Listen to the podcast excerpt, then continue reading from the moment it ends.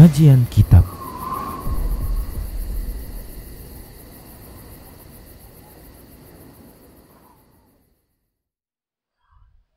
Assalamualaikum warahmatullahi wabarakatuh.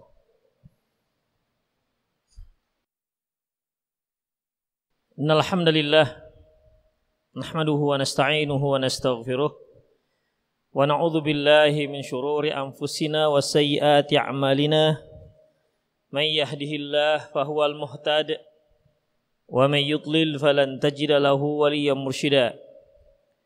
أشهد أن لا إله إلا الله وحده لا شريك له وأشهد أن محمدا عبده ورسوله الذي لا نبي بعده.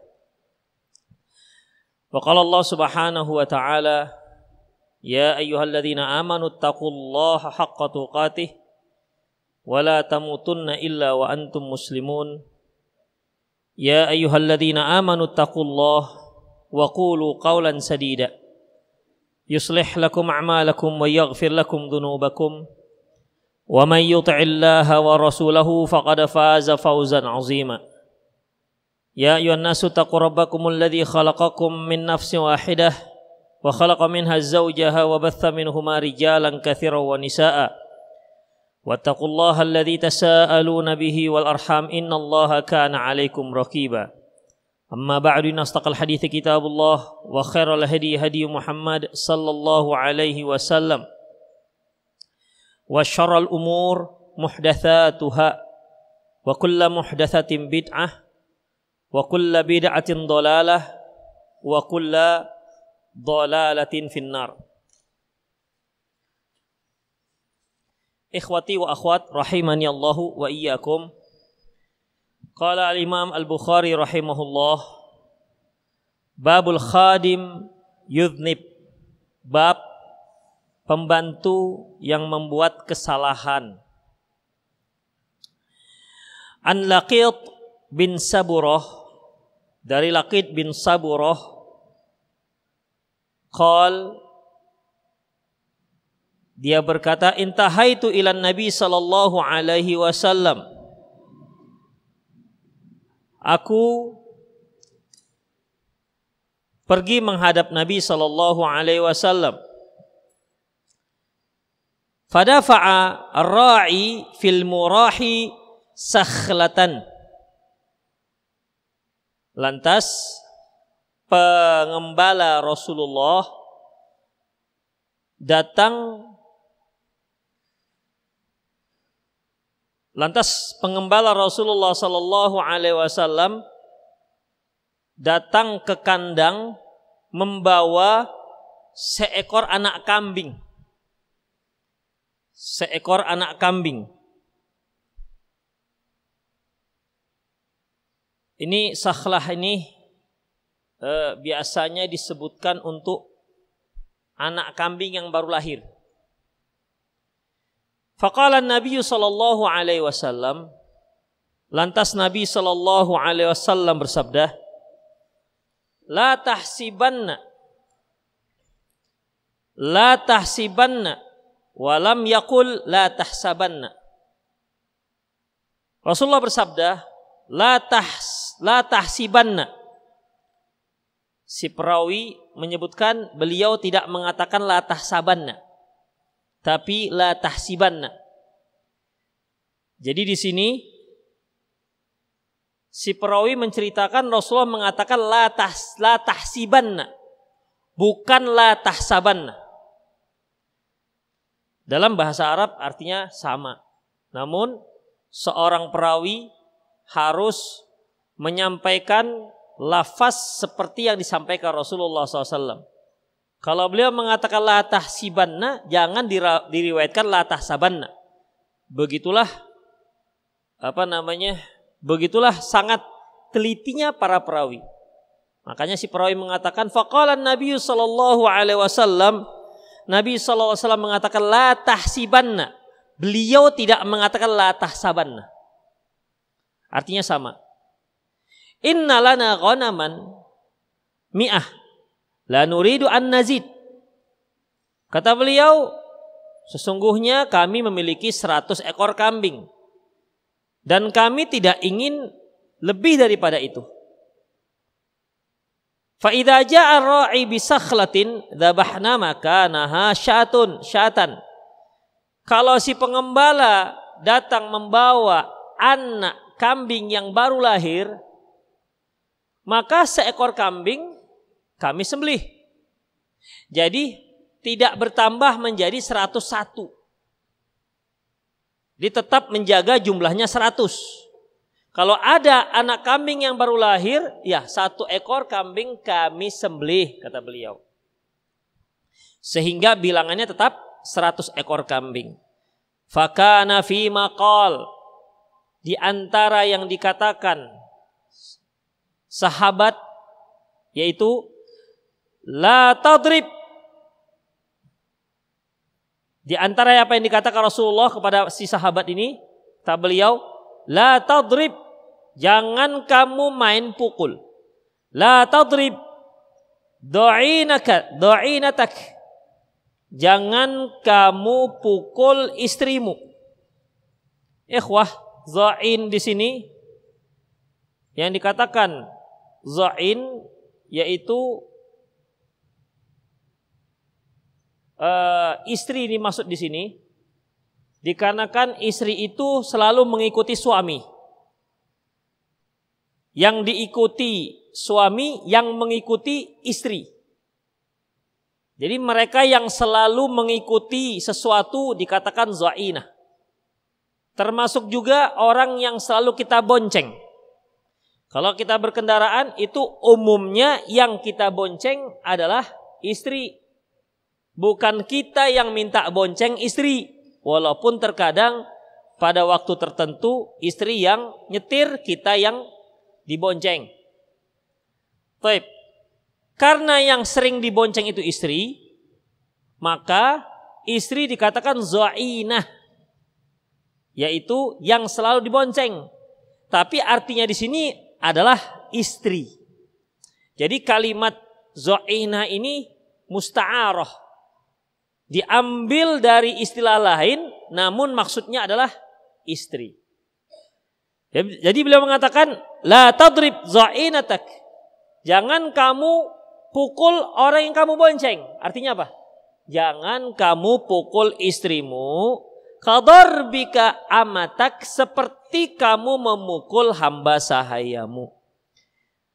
Faidastansyakta apabila kamu berkumur memasukkan air ke dalam hidung fabaligh maka masukkan air ke dalam hidung sedalam-dalamnya illa antakuna iman kecuali kamu sedang berpuasa. Taib.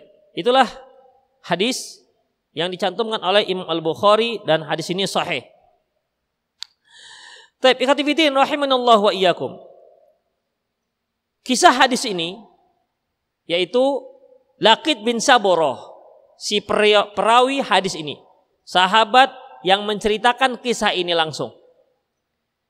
Sahabat ini Khofiddin, beliau datang bersama utusan dari kampungnya. Jadi dia ada beberapa orang ya termasuk Lakid bin Saboroh. Ketika mereka datang kepada Rasulullah SAW, ternyata Rasulullah Sallallahu Alaihi Wasallam tidak di rumah. Kemudian Aisyah radhiyallahu anha memberikan mereka kurma sebagai ikram, artinya penghormatan terhadap eh, tamu. Tak lama kemudian datanglah Rasulullah Sallallahu Alaihi Wasallam dan beliau bertanya kepada Aisyah, apakah tamu sudah dimuliakan? Aisyah mengatakan iya. Ya waktu itu belum memuliakannya dengan menghidangkan kurma karena memang itu yang dimiliki oleh Rasulullah SAW. Di saat itu, nah, di saat itu tiba-tiba datang pengembala kambing Rasulullah dan dia membawa seekor anak kambing yang baru lahir membawa seekor anak kambing yang baru lahir. Sampai di sini Khofiddin. Ini menunjukkan bagaimana Rasulullah Shallallahu Alaihi Wasallam memuliakan tamu.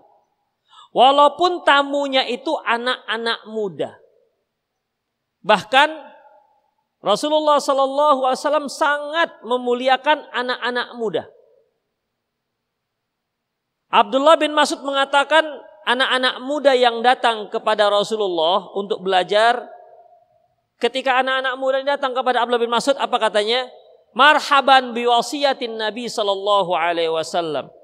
Selamat datang terhadap orang-orang yang diwasiatkan Nabi Shallallahu Alaihi Wasallam.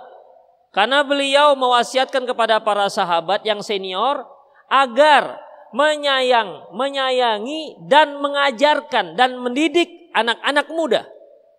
Makanya ketika anak muda datang kepada beliau, beliau sangat antusias untuk mengajari mereka agama Islam. Demikian juga para sahabat lain juga mengikuti cara seperti ini ketika datang. Ya, para anak muda kepada Abdullah bin Mas'ud dia katakan marhaban biwasiyatin Nabi sallallahu alaihi wasallam. Selamat datang para orang-orang yang diwasiatkan Nabi sallallahu alaihi wasallam. Artinya Rasulullah mewasiatkan kepada kami para sahabat senior, para guru-guru untuk menghormati dan memuliakan serta me, serta memberikan pelajaran pendidikan kepada anak-anak muda. Baik. Kemudian di Hafidin, Ya ini sesuai dengan sabda Rasulullah SAW, Mangkani yu'minu billahi wal yawmil akhir fal yukrim dhaifah. Barang siapa yang beriman terhadap Allah dan hari akhirat, hendaklah dia memuliakan te, tetamunya. Jadi kita sebagai seorang muslim, jangan sampai kalau pejabat yang datang kita muliakan, kalau anak-anak muda jangankan teh manis, air putih pun tidak keluar. Ya, ini berarti pilih-pilih tamu maka tidak dibenarkan. Dan juga tidak boleh takalluf. Memberat-beratkan diri untuk memuliakan tamu sebagaimana nanti akan dijelaskan. Taib. Di saat Rasulullah bersama anak-anak muda ini, wafdun artinya utusan dari kampungnya. Saat itu datanglah pengembala Rasulullah membawa anak kambing yang baru lahir. Dafa ila murah fil murahi sakhlatan. Si pengembala kambing datang membawa anak kambing yang baru lahir dan diletakkan di Nah, kemudian ikhwatiddin, ya. Kemudian faqala ma walatta ya fulan. Kata Rasulullah kepada si pengembala, apa yang lahir wahai fulan? Bahmah, seekor kambing ya Rasulullah.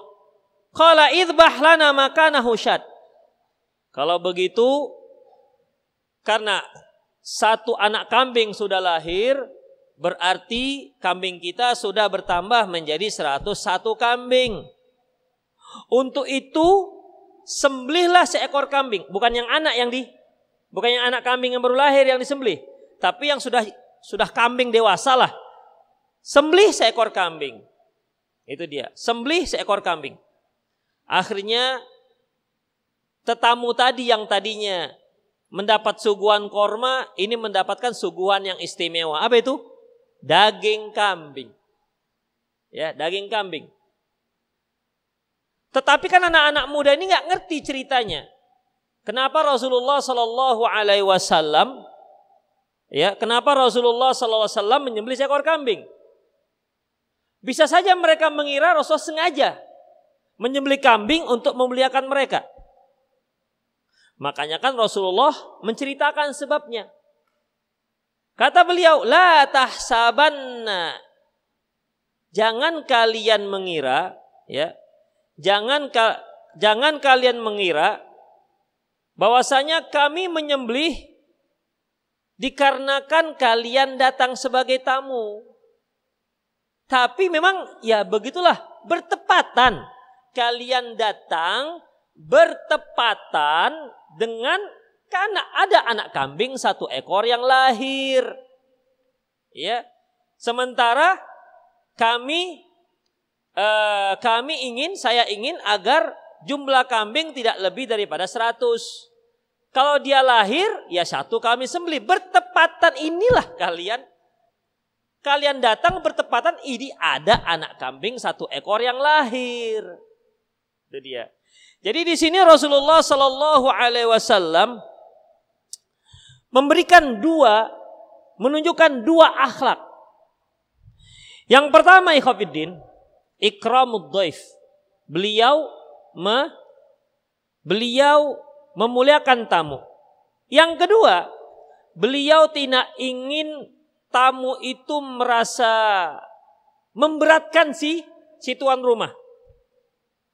Makanya beliau ceritakan, eh ini sebenarnya ya kalian datang bertepatan dengan seperti ini. Jadi bukan dikarenakan kalian datang kami sembelih, enggak. Kan beda dengan kita. Ya jangan repot-repot bu, apa yang ada keluarkan semua. Kan biasa gitu kita. Ya, apa yang ada keluarkan semua. Jangan tega-tega. Ah, kita datang, kita datang memang memberatkan. Ya. Terkadang ada tamu yang dia itu berbahasa basi. Uh, terkadang datang ke rumah saya, aduh maaf Sat ya merepotkan antum. Kalau antum jadi tamu memang selalu merepotkan. Kalau tidak nggak akan dikatakan Rasulullah mangkani yu'minu billahi wal yaumil akhir falyukrim dhaifahu. Barang siapa yang beriman terhadap Allah hari akhirat jangan hendaklah dia memuliakan ta, ta tamunya. Artinya tamu itu pasti merepotkan. Minimal antum harus memberikan waktu untuk mereka berbicara. Jadi kalau antum katakan, maaf Ustadz merepotkan. Iya memang merepotkan. Ya. Gak usah digas kali gitu nanti cepat pulang dia. Ya. Kadang-kadang bahasa basi begitu. Aduh Ustadz maaf merepotkan. Akhi maaf merepotkan. Apa yang ada keluarkan semua. Nah, itu bahasa basi orang Medan. Demikian ya Covid Jadi di sini Rasulullah Shallallahu Alaihi Wasallam ingin memberikan kesan kepada si tamu, ya, memberikan kesan kepada tamu, kalian itu nggak merepotkan. Ini memang kebetulan, bukan karena kalian datang kami sembelih kambing. Begitu. Ya, karena ada kambing yang mau disembelih, ya kalian sebagai tamu berhak untuk dimuliakan dengan cara disuguhkan kambing. Oh, begitu. Kalau gitu ya nggak apa-apa lah kita makan kambing. Nah, begitu. Jadi kita nggak merasa memberatkan si tuan rumah. Itu dia. Ya. Dua. Yang ketiga, dari kisah ini, kisah yang baru sedikit ini, bahwasanya kita itu jangan menampilkan hal-hal yang sebenarnya kita sendiri tidak memiliki. Ya. Sebenarnya kalau nggak ada kambing ini, misalnya begitu, misalnya nih, kita apa ya? Ada orang titip lah, misalnya ada orang titip infak. Tolonglah salurkan infak saya ini. Kemudian kita pun berinfak. Seolah-olah kita yang berinfak padahal uang orang. Begitu Khafiddin. Di sini Rasulullah Sallallahu Alaihi Wasallam ingin menjelaskan. Ini sebenarnya begini loh kejadiannya. Jadi uh, tidak menyusahkan kalian itu tidak menyusahkan kami. Ini sebut Rasulullah juga agar kita memberikan kesan kepada orang lain itu ya apa adanya kita. Jangan jaim, jaga image, ya. Jangan sok-sok seolah-olah kita menjadi orang yang memang sangat mencintai teman, ya. Itulah yang disebut Rasulullah SAW al-mutasyabbi' bisyai al-mutasyabbi' al-mutasyabbi' bisyai sesuatu yang bima lam yu'ti al mutasyabbi bima lam yu'ti orang yang apa namanya uh, syabaan ini asal katanya kenyang seorang yang menunjukkan dia kenyang padahal dia tak diberi apa-apa itu seperti seperti seorang yang Kaman labisa zur. Seperti seorang yang memakai pakaian palsu. Begini Khafidin. Ini asal ceritanya. Hadis yang diriwayatkan oleh Imam Bukhari dari Asma binti Abi Bakar. Inna imra'atan bahwasanya seorang wanita berkata, "Ya Rasulullah, li durroh." Ya Rasulullah, aku punya durroh, artinya madu. Jadi dia punya kakak yang statusnya sama-sama istri. Durroh itu mungkin dia istri pertama, dia istri keduanya ini. Fahala alai ala ya junahun an tashabba'at an tashabba'tu min zaujati Ghairul ladhi yu'tini. Bolehkah aku menunjukkan sesuatu yang sebenar kepada maduku sebenarnya tidak diberikan oleh suamiku. Misalnya begini nih. Misalnya dia cerita, "Wih, abang kemarin belikan saya baju. Ini bajunya." Itu ditujukan kepada madunya. Tentu si madu ini akan isi per, isi pertama akan akan uring-uringan. Abang gimana bang? Istri kedua abang belikan pakaian. Aku tak abang belikan pakaian. Makanya nggak dibolehkan. Ya, nggak dibolehkan. Atau dia beli pakaian baru yang bukan dibelikan oleh yang tidak dibelikan oleh suaminya, dipakai pakaian baru lewat-lewat ke istri pertama, depan istri pertama. Assalamualaikum kak. Ya. Beli jilbab baru begitu. Padahal bukan suaminya beli jilbab baru. Sebagai istri pertama tentu merasakan baper. Ih, jilbab baru itu si adik kok bisa dapat? Sementara jilbab awak sudah lima tahun ganti-ganti. Kan jadi baper jadinya. Ya, sementara suaminya nggak pernah ngasihkan. Ini kata mutasyabbi. Ya, mutasyabbi. Contoh lain. Seorang nggak tahu apa-apa, ikro aja nggak tamat.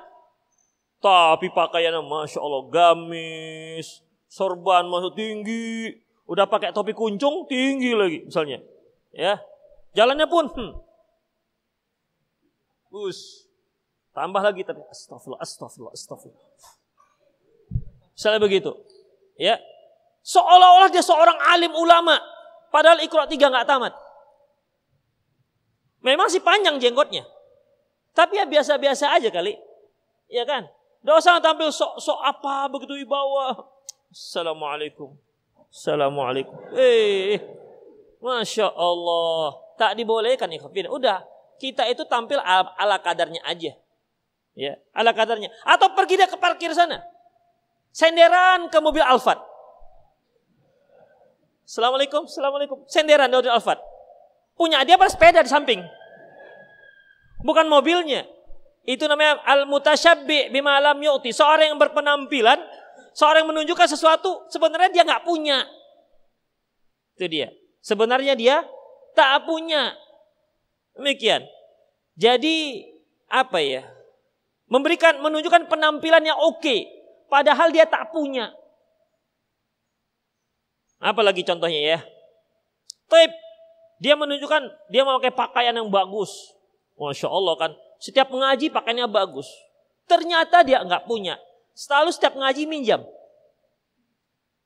Begitu. Supaya orang tahu. Supaya memperlihatkan saya itu punya pakaian bagus-bagus loh. Misalnya. Demikian. Ini nggak dibolehkan ikhafidin. Ya.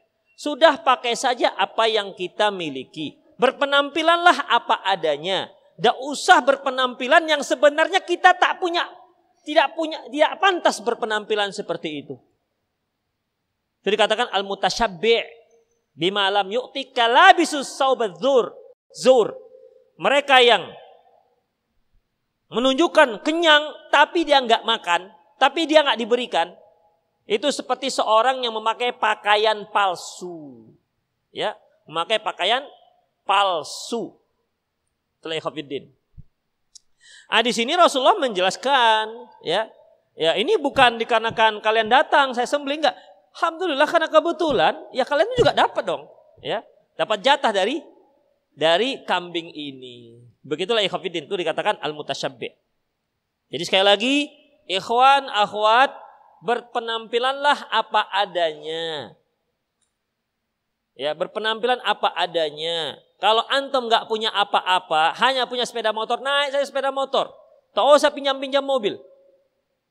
Ya, kan ada juga itu model-model dia nggak punya apa-apa.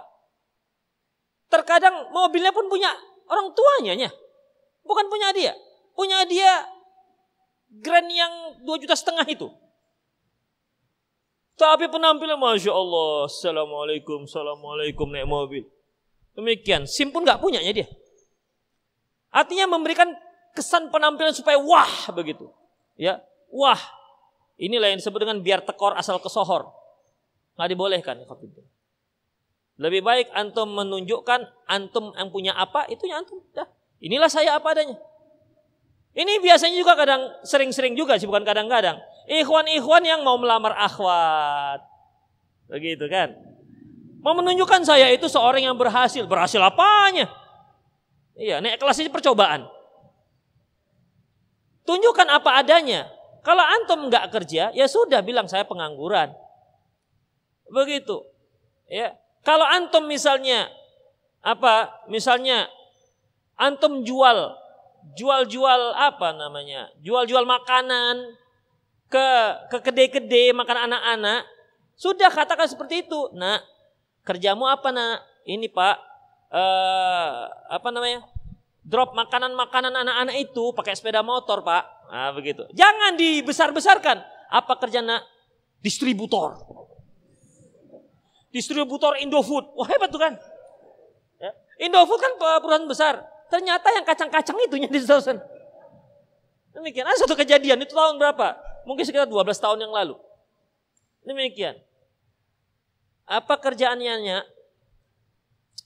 Marketing pak. Wih, apa marketing Pertamina? Oh, rupanya dia keliling jual minyak lampu. Dulu kan ada pakai drum itu kan, minyak, minyak, kan betul. Dia marketing, dia jual kan minyak lampu. Minyak lampu kan dari Pertamina. Tapi bilang sajalah jualan jual minyak lampu keliling kampung pakai drum. Gitu saja sudah. Tunjukkan apa adanya, jangan terlalu dibesar-besarkan. Antum pulang kampung, kerja apa nak di Medan? Bilang saja, tukang bersihkan WC mak, selesai. Mak antum nggak ngerti. Apa nak kerjanya? Cleaning service mak. Ay, mak hebat bahasa Inggris tuh. Cleaning service. Antum ceritakan saja apa adanya. Bersihkan WC mak. Begitu. Kalau nggak ngerti mak antum WC tandas. Jadi jangan berpenampilan yang kita itu sebenarnya nggak memilikinya, ya, nggak memilikinya, ikhafidin. Atau ditanya berapa gajinya nak? E, gaji saya sementara ini, pakai sementara ini. Sementara ini pak satu juta, tapi insya Allah ya mungkin kira empat tiga empat lima tahun lagi bisa tiga juta, empat lima tahun lagi ya tak nggak kalau naik gajinya. Bilangkan saja apa adanya. Begitu ya Khofiddin, tidak usah gengsi-gengsi. Pak, ini saya apa adanya. Terima Alhamdulillah, nggak terima aku pulang. Ya, jangan sampai al-mutasyabbi' tadi itu. Al-mutasyabbi' bimalam yu'ti kalabisi thawbazur. Mereka seperti orang yang memakai pakaian palsu. Jadi kata Rasulullah SAW, Inna lana ghanaman mi'ah la nuridu antazid. Kami punya 100 anak kam, 100 kambing, kami nggak ingin lebih daripada 100. Jadi kalau setiap kali ada yang lahir satu, kami sembelih satu satu ekor. Kemudian yang Khafidin, uh, fakana fi maqala di antara apa yang dikatakan Rasulullah. Jadi sebenarnya ada beberapa perkara yang terkait dengan hadis ini. Namun Imam Al-Bukhari tidak menyebutkan semua perkara yang disebutkan Rasulullah. Fakana fi maqala dan di antara apa yang dikatakan beliau berarti kan ini menunjukkan ikhtisor hanya mengambil potongan yang terkait dengan bab yang ada hubungan dengan bab. Karena kalau disebutkan yang lain nggak ada kaitannya. Untuk menyingkat, mensederhanakan, meringkas boleh kita mengambil satu kalimat yang terkait dengan dengan bab. Boleh Hafidin. Selama tidak merubah makna. Ya. Selama tidak merubah makna. Misalnya begini. Kita lihat teman kita kok suka berbohong begitu. Ya. Kita boleh katakan, Mas, Bang, Dek, misalnya, tanda orang munafik itu ada tiga. Di antaranya, kalau dia bicara dia bohong. Yang dua kan gak disebutkan. Nah, inilah contohnya. Kenapa yang satu itu disebutkan? Karena itu yang sesuai dengan kejadian untuk menasihati dia. Dia berbohong, kemudian kita katakan ada tanda munafik ada tiga loh. Terus di antaranya apa? Apabila dia janji, dia pungkiri. Sementara kasus dia masalah du, masalah dusta. Otomatis kan nggak nyambung. Makanya dalam masalah ini Imam Al Bukhari rahimahullah mengambil potongan hadis yang cocok dengan hadis di atas. Di antara apa yang disebutkan beliau yaitu di mana laki-laki ini mengatakan, "Ya Rasulullah, innali imro'atan filisani syai." Filisani syai. Ya Rasulullah, uh, istri saya punya seorang istri, istri uh, lisannya itu ada sesuatu. Artinya kalau ngomong tuh nyelekit gitu kira-kira. Kalau omong menyakitkan atau suka mencaci dan memaki. Gimana ya Rasulullah dengan istri seperti ini? Kalau talikha, ya kalau engkau tidak suka istri seperti itu, engkau merasa berat, nggak nyaman dengan dia karena lisannya luar biasa, ya sudah silakan kamu cerai. Ya, silakan kamu cerai. Kultu aku katakan innali minha waladun walaha sohbah. Tapi ya Rasulullah, aku punya anak dari dia, anak laki-laki. Dan juga kami sudah lama menikah. Dia juga dalam bergaul dengan saya bagus. Tapi itulah masalahnya. Lisannya tajam. Karena kan untuk mendapatkan istri yang sempurna kan sulit Khafiddin. Memang begitu. Ada yang seorang istri pandai sekali bersolek. Pandai sekali. Tahu dia aturannya. Tahu dia prosedur dalam memakai bedak. Tahu dia. Tetapi gak tahu prosedur dalam masak nasi. Masak nasi kalau nggak jadi bubur keras itu aja gendangnya. Nggak bisa pas gitu. Bisa. Udah belajar pakai YouTube segala macam, nggak bisa juga. Ya memang nggak ke situ pula jiwanya. Ong biasanya semenjak semenjak gadis nggak pernah masak nasi. Biasanya main tunjuk saja. Kalau nggak tunjuk di styling rumah makan Padang atau pakai pakai HP. Nggak pernah dia masak nasi. Gak pernah dia lihat Prio, gak pernah dia lihat rice cooker. Gak pernah dia lihat Magicom. Apalagi Presto. Apa itu katanya? Itulah dia. Mungkin saja ya Khofiddin. Ya kalau akhot-akhot yang memang dia kuliah memang itu saja. Orang tua, udah nak kamu gak usah mikir apa-apa nak. Kamu mikirin pelajaran saja. Kan bisa seperti itu. Orang tua yang gak ngajarkan bagaimana masak. Atau yang memang masalah rumah luar biasa. Rumah bersih, masak oke, okay, mencuci oke. Okay. Tetapi masalah bersolek nggak pandai. Dia pandainya hanya pakai bedak dingin yang kalau dipakai tinggal topeng macam mata dua gitu aja. Gitu ya Khofiddin. Nggak pandai dia pakai alas bedak, krim duha, krim sore, krim tahajud nggak punya dia itu. Ya, nggak punya dia. Demikian Ikhafiddin. Tetap saja ada di sana hal-hal yang membuat dia nggak sempurna. Tapi banyak kebaikannya. Makanya ketika Rasulullah katakan, loh kalau kamu nggak nyaman dengan lisan dia ya sudah. Ceraikan saja. Katanya, ya Rasulullah tapi dia bagus bergaul dengan saya. Dan saya punya anak dari dia. Fakala, kalau begitu murha. Kalau begitu murha, perintahkan dia. Dalam hadis yang lain, fa'idha, beri dia nasihat. Fa bika fiha khair. Karena pada dirinya itu ada kebaikan. Pada dirinya ada kebaikan-kebaikan. Makanya Khafiddin rahimani Allah wa iyyakum ya. Hadis yang selanjutnya Rasulullah mengatakan ya, sahabat tadi mengatakan, "Oh, enggak mempan ya Rasulullah. Sudah dinasihati, sudah dihajar." Kan Allah katakan ya, "Wallati takhafuna nusyuzahunna" dan wanita-wanita yang kalian khawatir, yang kalian khawatirkan dari mereka kedurhakaan mereka, fa'idhuhun, beri mereka nasihat. Wahjuruhunna fil dan uh, dia, bekot ranjang mereka, jangan tidur sama. Kemudian yang ketiga yaitu wadribuhun. Silakan kamu pukul. Makanya Rasulullah katakan ketika si laki-laki ini mengatakan sudah saya nasihati, sudah saya boykot tapi enggak juga. Maka Rasulullah menyebutkan ini. Boleh dipukul kan? Ya. La tadrib. La tadrib da'inataka kadarbika amatak. Jangan kamu pukul istrimu seperti pukul memukul hamba sahaya. Jangan kamu pukul istrimu seperti kamu memukul hamba sahaya. Taib. Dari ucapan ini, jangan kamu pukul istrimu seperti memukul hamba sahaya. Apakah bisa diartikan di situ tak boleh mukul istri sama sekali? Hah? Bisa diartikan begitu? Jangan kamu pukul istrimu seperti memukul hamba saya. Apakah bisa diartikan tak boleh pukul sama sekali? Hah? Enggak. Ya. Secara implisit Tersurat, tersirat menyebutkan jangan kamu pukul seperti memukul hamba saya berarti boleh dipukul. Tetapi tidak boleh memukulnya seperti memukul hamba sahaya. Baik, bisa nggak kita artikan dari kalimat ini? Boleh memukul hamba saya dengan pukulan yang dahsyat? Hah? Boleh diartikan? Enggak. Kenapa? Di situ hanya menunjukkan tidak boleh kalau memang kita sudah memberi nasihat pada istri kita, kepada pembantu kita, kepada anak-anak kita.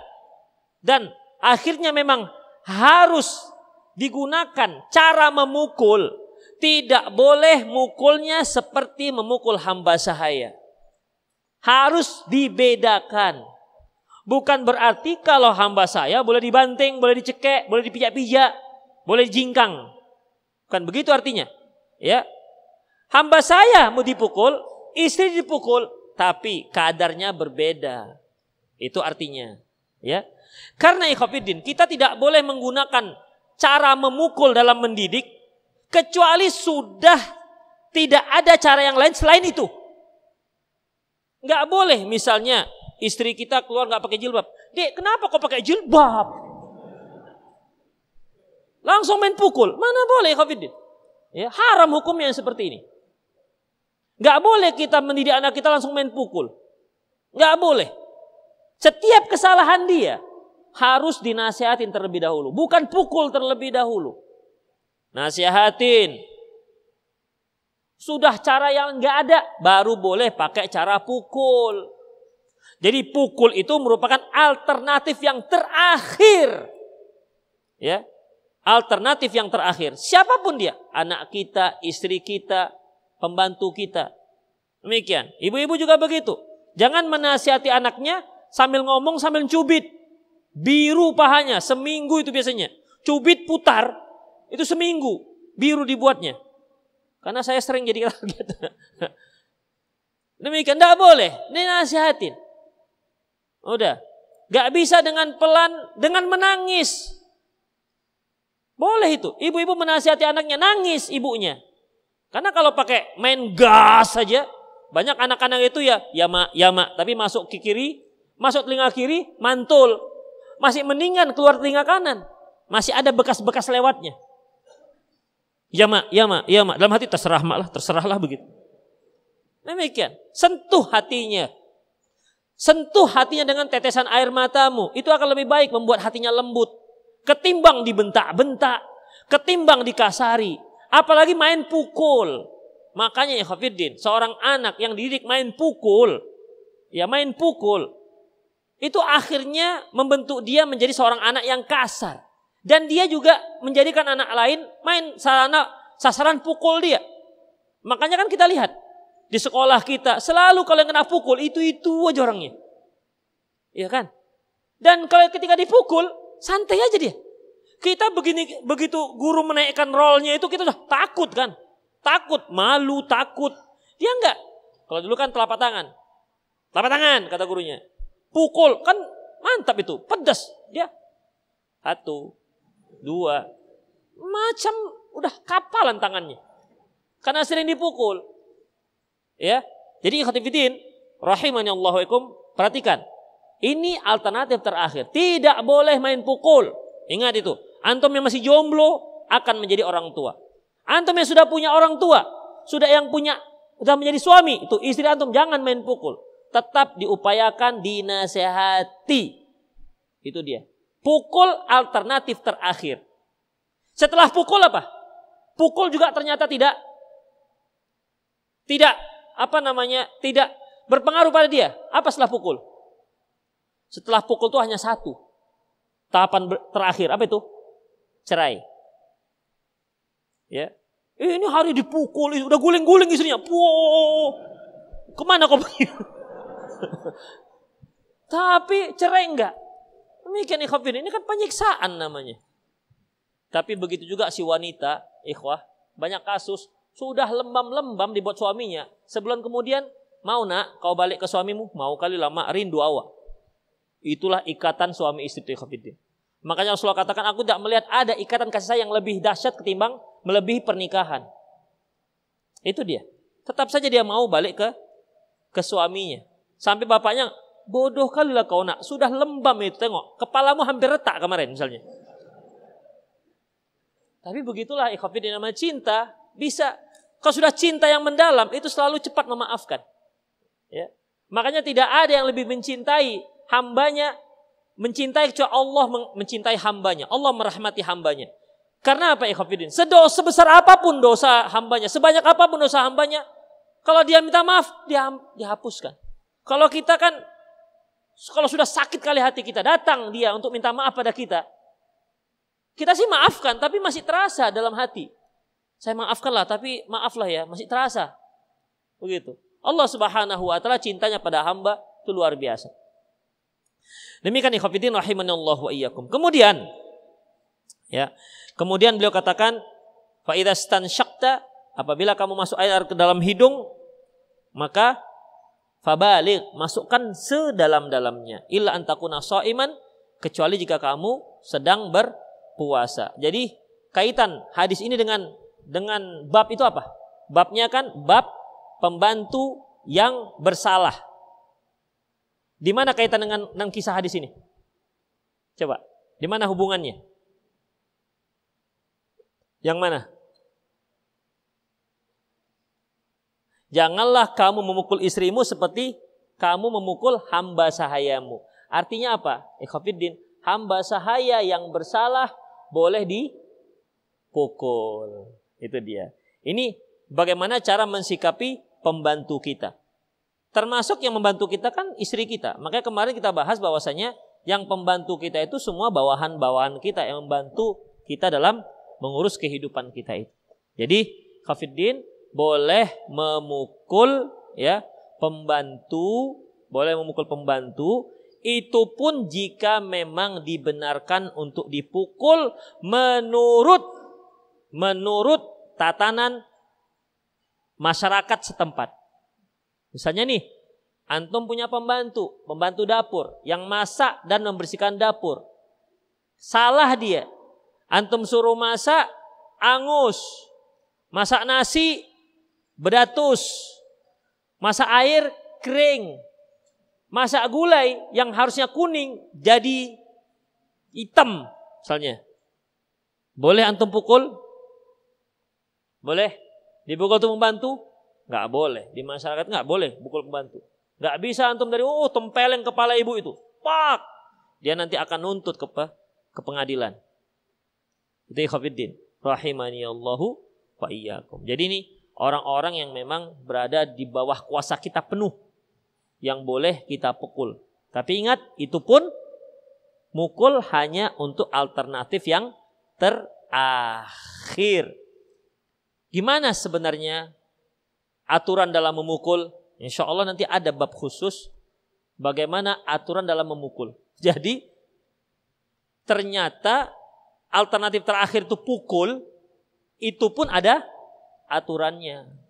Gak bisa main pukul-pukul gitu aja, ada aturannya. Kalau sudah dinasihati, sudah ini, sudah itu, sudah terakhir hanya tidak tidak ada cara lain selain pukul. Dan ketika kita pukul, kita melanggar aturan, berdosa, zolim. Dia nanti akan tuntut kita di hari akhirat. Ya Allah, dia telah mukul saya. Tidak sesuai dengan aturan agama. Jadi dalam Islam, memukul itu juga ada aturannya. Ingat, Hafidin, antum yang punya istri, jangan sembarangan pukul. Ingat itu ya. Jangan sembarangan pukul. Ingat juga, antum akan dituntutnya nanti di hari akhirat. Kalau antum tiba-tiba main pukul. Dituntut. Ya Allah, suami saya ini, saya bersama dia selama 20 tahun. Berapa kali saya dipukul dia? Saya nggak bisa balas. Maka diambil kebaikan dia. Hati-hati, Khafidin. Ya. Tapi Ustadz sudah dimaafkan kok setiap hari raya. Dan maafkan, Dek. Maafkan salah abang ya, Dek. Kenapa, Bang? Kan ada 13 kali lah abang kira abang pukul adik misalnya. Ya tergantung dia rela nggak. Kalau dia takut, kalau dikatakan abangnya, kalau dikatakan istrinya, ah nggak bisa adik maafkan, pukul lagi yang ke-14. Kan bisa takut dia. Makanya hati-hati, jangan main pukul. Termasuk anak-anak. Jangan main pukul. Itu ingat, pukul itu kapan? Alternatif terakhir dan dia ada aturannya. Nanti ada bab khusus aturan dalam aturan main dalam memukul. Demikian ikhwatiddin aku lu qauli hadza wa astaghfirullah wa lakum. muslimin innahu wal ghafurur rahim. Silakan antum yang mau bertanya.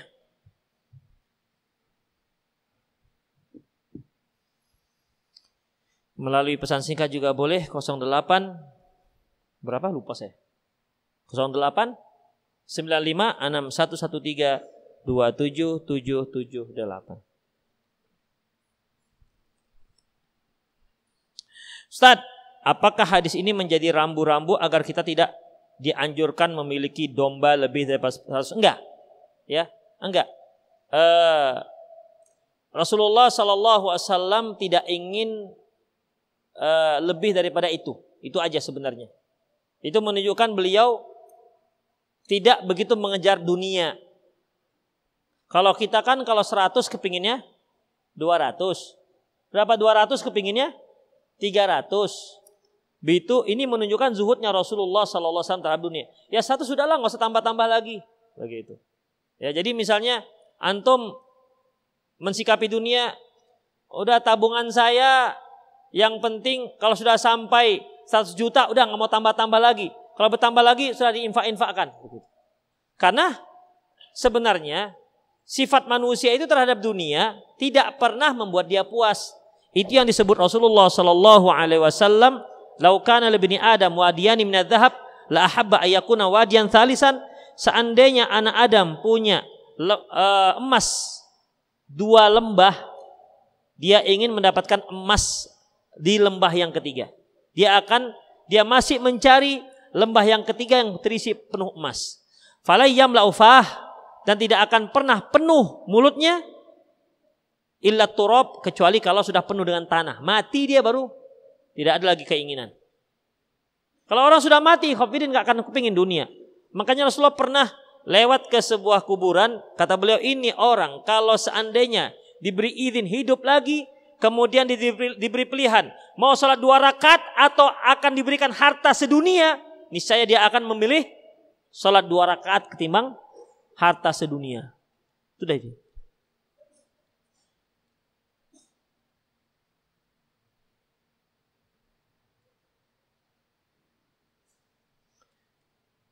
Antum jangan kirim sebelum dibuka pertanyaan. Kalau enggak, enggak saya baca. Ustadz, bagaimana hukumnya memajang poster tata cara sholat sesuai dengan sunnah di rumah kita yang terdapat gambar makhluk yang mencontohkannya? Ya kalau kepalanya nggak ada, nggak apa-apa. Ya, tapi sekarang itu wajahnya yang nggak ada. Ya wajahnya nggak ada. Taib. Rasulullah mengatakan as-suratul. Yang namanya gambar itu adalah kepala. Jadi kalau nggak ada kepala, baik dianggap bukan bukan gambar. Allahu alam. Ustadz, bagaimana hukumnya istri yang meminta cerai tanpa utur syar'i tapi si istri dulu nikah karena dijodohkan? Tidak boleh. Ya nggak boleh. Ayu mamra'atin talaba min zawjiha at-talaq min ghairi ba'sin la yarih jannah. Wanita mana saja yang minta cerai dari suaminya tanpa alasan syar'i, maka dia tidak maka dia tidak akan mencium bau surga. Dia tidak akan mencium bau surga. Termasuk kalau suaminya menikah lagi, kemudian dia minta cerai, itu juga alasan yang nggak dibolehkan. Karena menikah lagi itu hak is, hak suami. Dengan tanpa mengurangi hak istri. Ya, jadi itu hak suami. Suami, hak suami ini nggak boleh dikutak-katik oleh si istri. Nafkah oke, okay, rumah sudah, cukup semuanya. Tiba-tiba suami nikah lagi. Kemudian kalau abang nikah lagi, mendingan menceraikan aku. Dah. Permintaan cerai ini, permintaan cerai yang menyebabkan si istri tidak mencium bau surga. Demikian. Ya. Dan ini sudah difahami oleh umumnya para akhot-akhot kita sudah faham.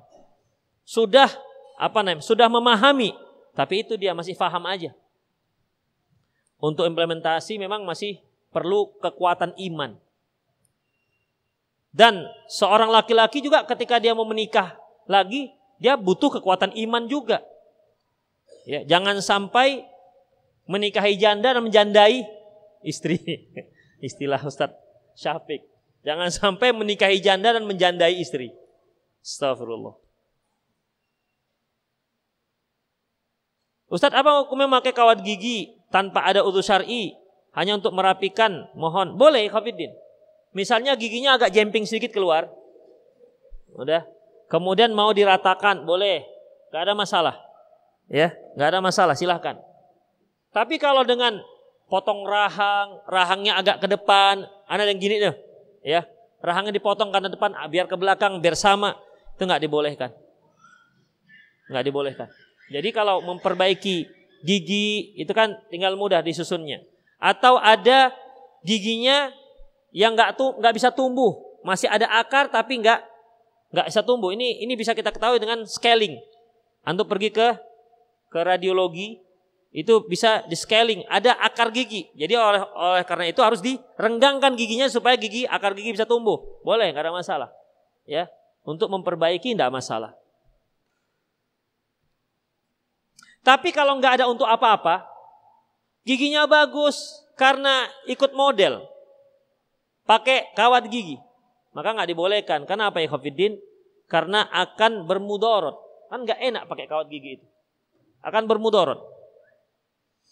Bolehkah menolak ramalan seorang tanpa menyebutkan alasannya? Ikhafiddin, itu nggak mungkin. Ya, nggak mungkin seorang menolak lamaran tanpa alasan, tanpa menyebutkan alasan boleh, tanpa alasan nggak boleh. Karena manusia itu setiap langkah yang dia langkahkan di muka bumi ini itu pasti ada alasan.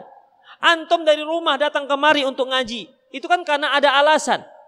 Karena apa? Pertama, daripada nganggur di rumah mendingan ngaji. Yang kedua, mana tahu mau nazor-nazor.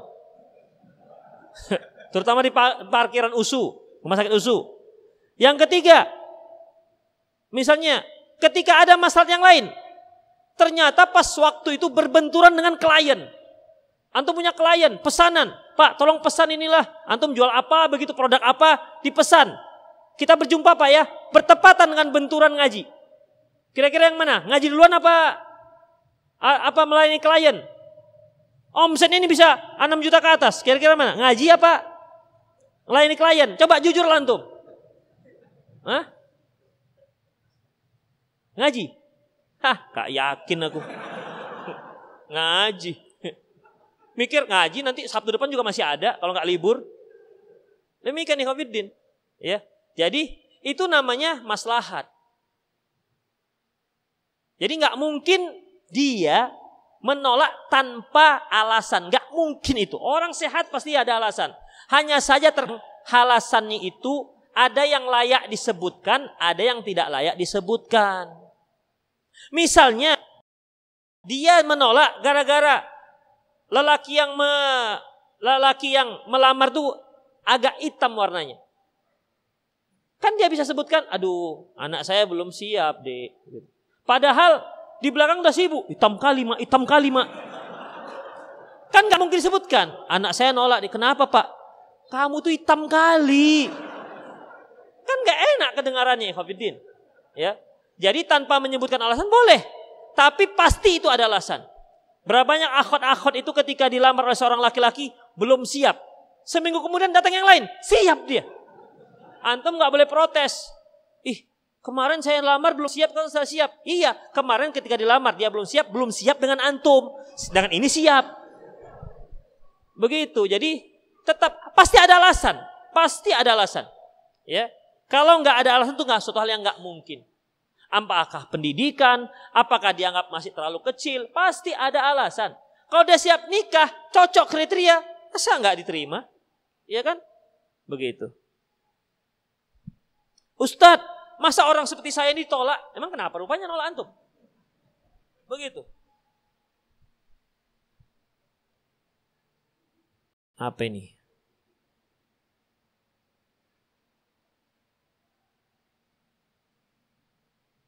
Takar tawar keiman seseorang sebut bisa dilihat dari dia sudah haji atau umroh. Apa ini? Kenapakah kita boleh kirimlah orang yang pergi umroh. Ikhwafiddin, ya, ibadah itu memang Rasulullah kan menyebutkan uh, dalam akidah al-sunnah wal jamaah, al-imanu yazid wa yankus. Iman itu yazid wa yankus. Bisa bertambah, bisa berkurang. Yazidu bi taatillah. Bertambah karena mentaati Allah. Dan yang kusu bi taati syaitan. Dan dia bisa berkurang dengan mentaati setan. Jadi dalam masalah ini, ya, sholat misalnya. Sholat misalnya, apakah orang yang sholat itu pasti lebih baik imannya ketimbang yang lain? Belum tentu ikhafiddin. Karena orang sholat itu tiga tingkatan. Al-muqarrab, al-muqarrab, kemudian apa nomor tiga, nomor dua. Yang nomor tiga al-mu'adzab. Ya, al-mu'adzab ada yang mukarrab, orang itu menjadi orang yang didekatkan kepada Allah Subhanahu wa taala. Nomor dua saya lupa. Nomor tiga al-mu'adzab, orang yang sholat tapi malah diazab oleh Allah Subhanahu wa taala. Karena apa? Mungkin dikarenakan ria. Bisa saja orang pergi haji karena apa? Karena dia mau jadi caleg misalnya, supaya nanti ketika dia mencalonkan diri ada hanya di belakang. Udah dua kali dia hak, jadi haha gitu kan. Supaya keren sedikit. Bisa saja seperti itu. Yang seperti ini, dia bisa diadab. Kenapa? Hajinya untuk seperti itu. Jadi kita gak bisa memastikan, tapi berharap boleh. Semoga haji bapak mabrur, boleh. Tapi pasti haji bapak mabrur, nggak boleh. Ya, nggak dibolehkan.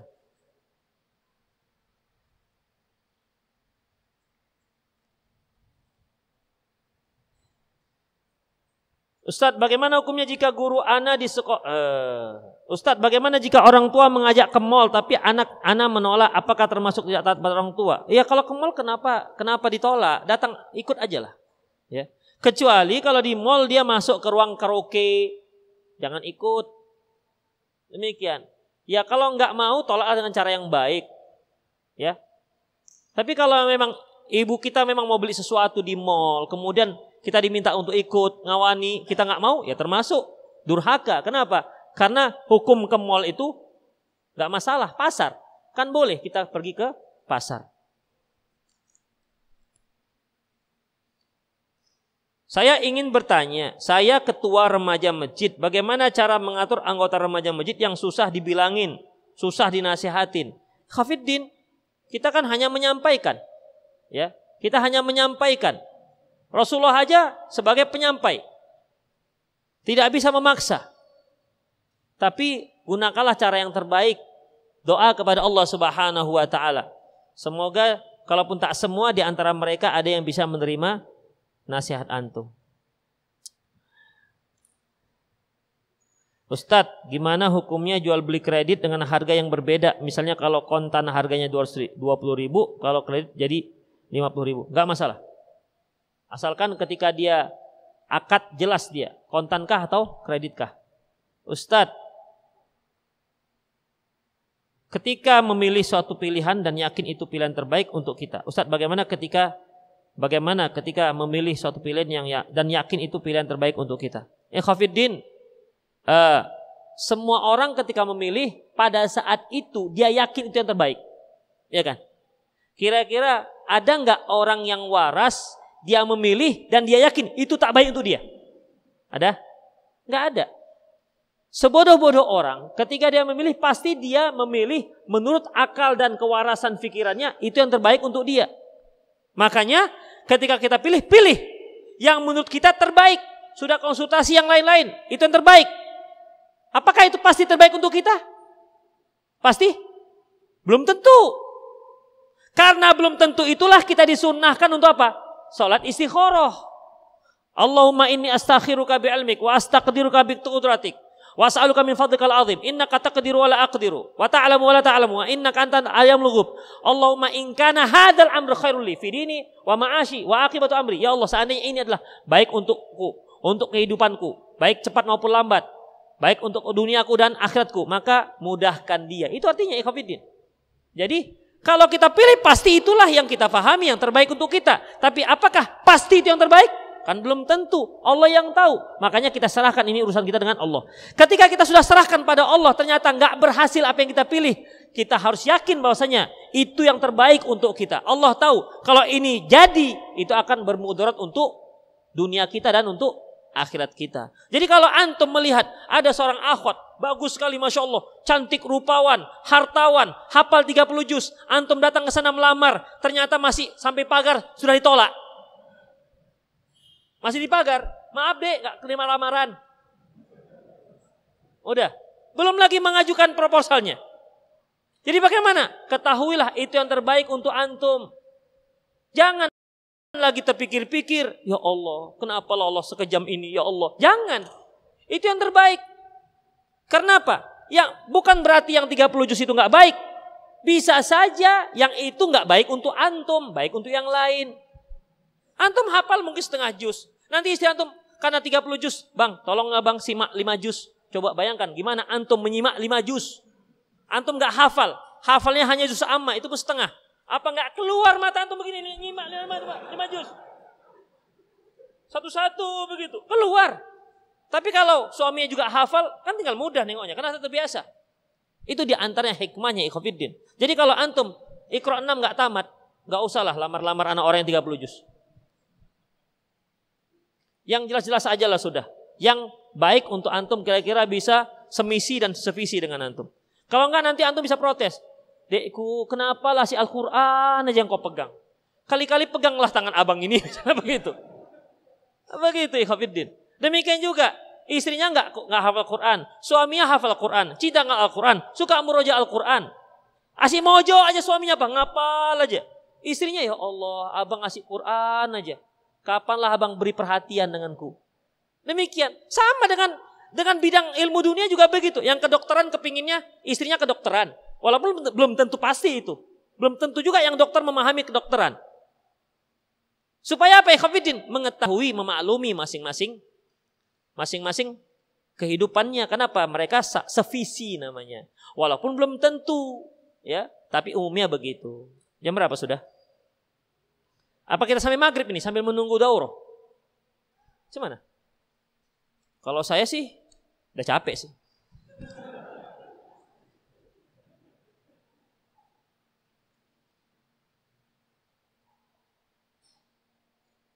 Allahu Akbar. Ustadz, kalau antara ikhwan akhwat tidak sengaja bersentuhan, namun ketika bersentuhan dilapisi kain, apakah tak dosa? Eh, nggak sengaja ini gimana? Sesuatu yang nggak sengaja itu nggak ada hukum. Karena apa? Hukum itu akan berlaku memenuhi tiga syarat. Apa itu? Yuk. Hukum berlaku dengan memenuhi tiga syarat. Apa itu? Ih, lupa. Pertama, bukan, bukan balik. Hah? Tahu. Tahu. Ada ilmunya. Dia tahu itu nggak boleh. Yang kedua. Hah? Tidak terpaksa. Yang ketiga. Sengaja. Tahu, sengaja dan tidak terpaksa.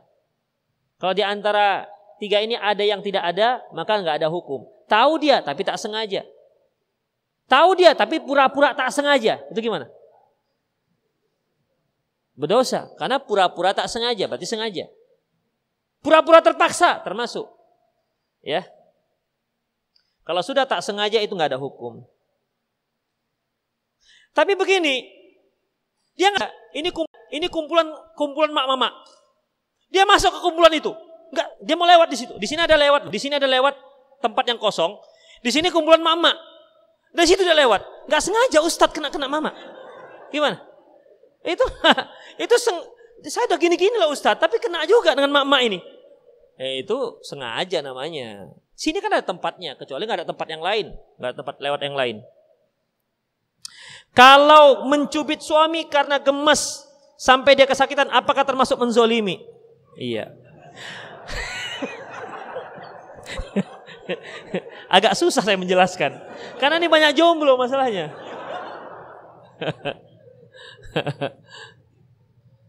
Allahu Akbar. Gimana lah mau saya bilang ini?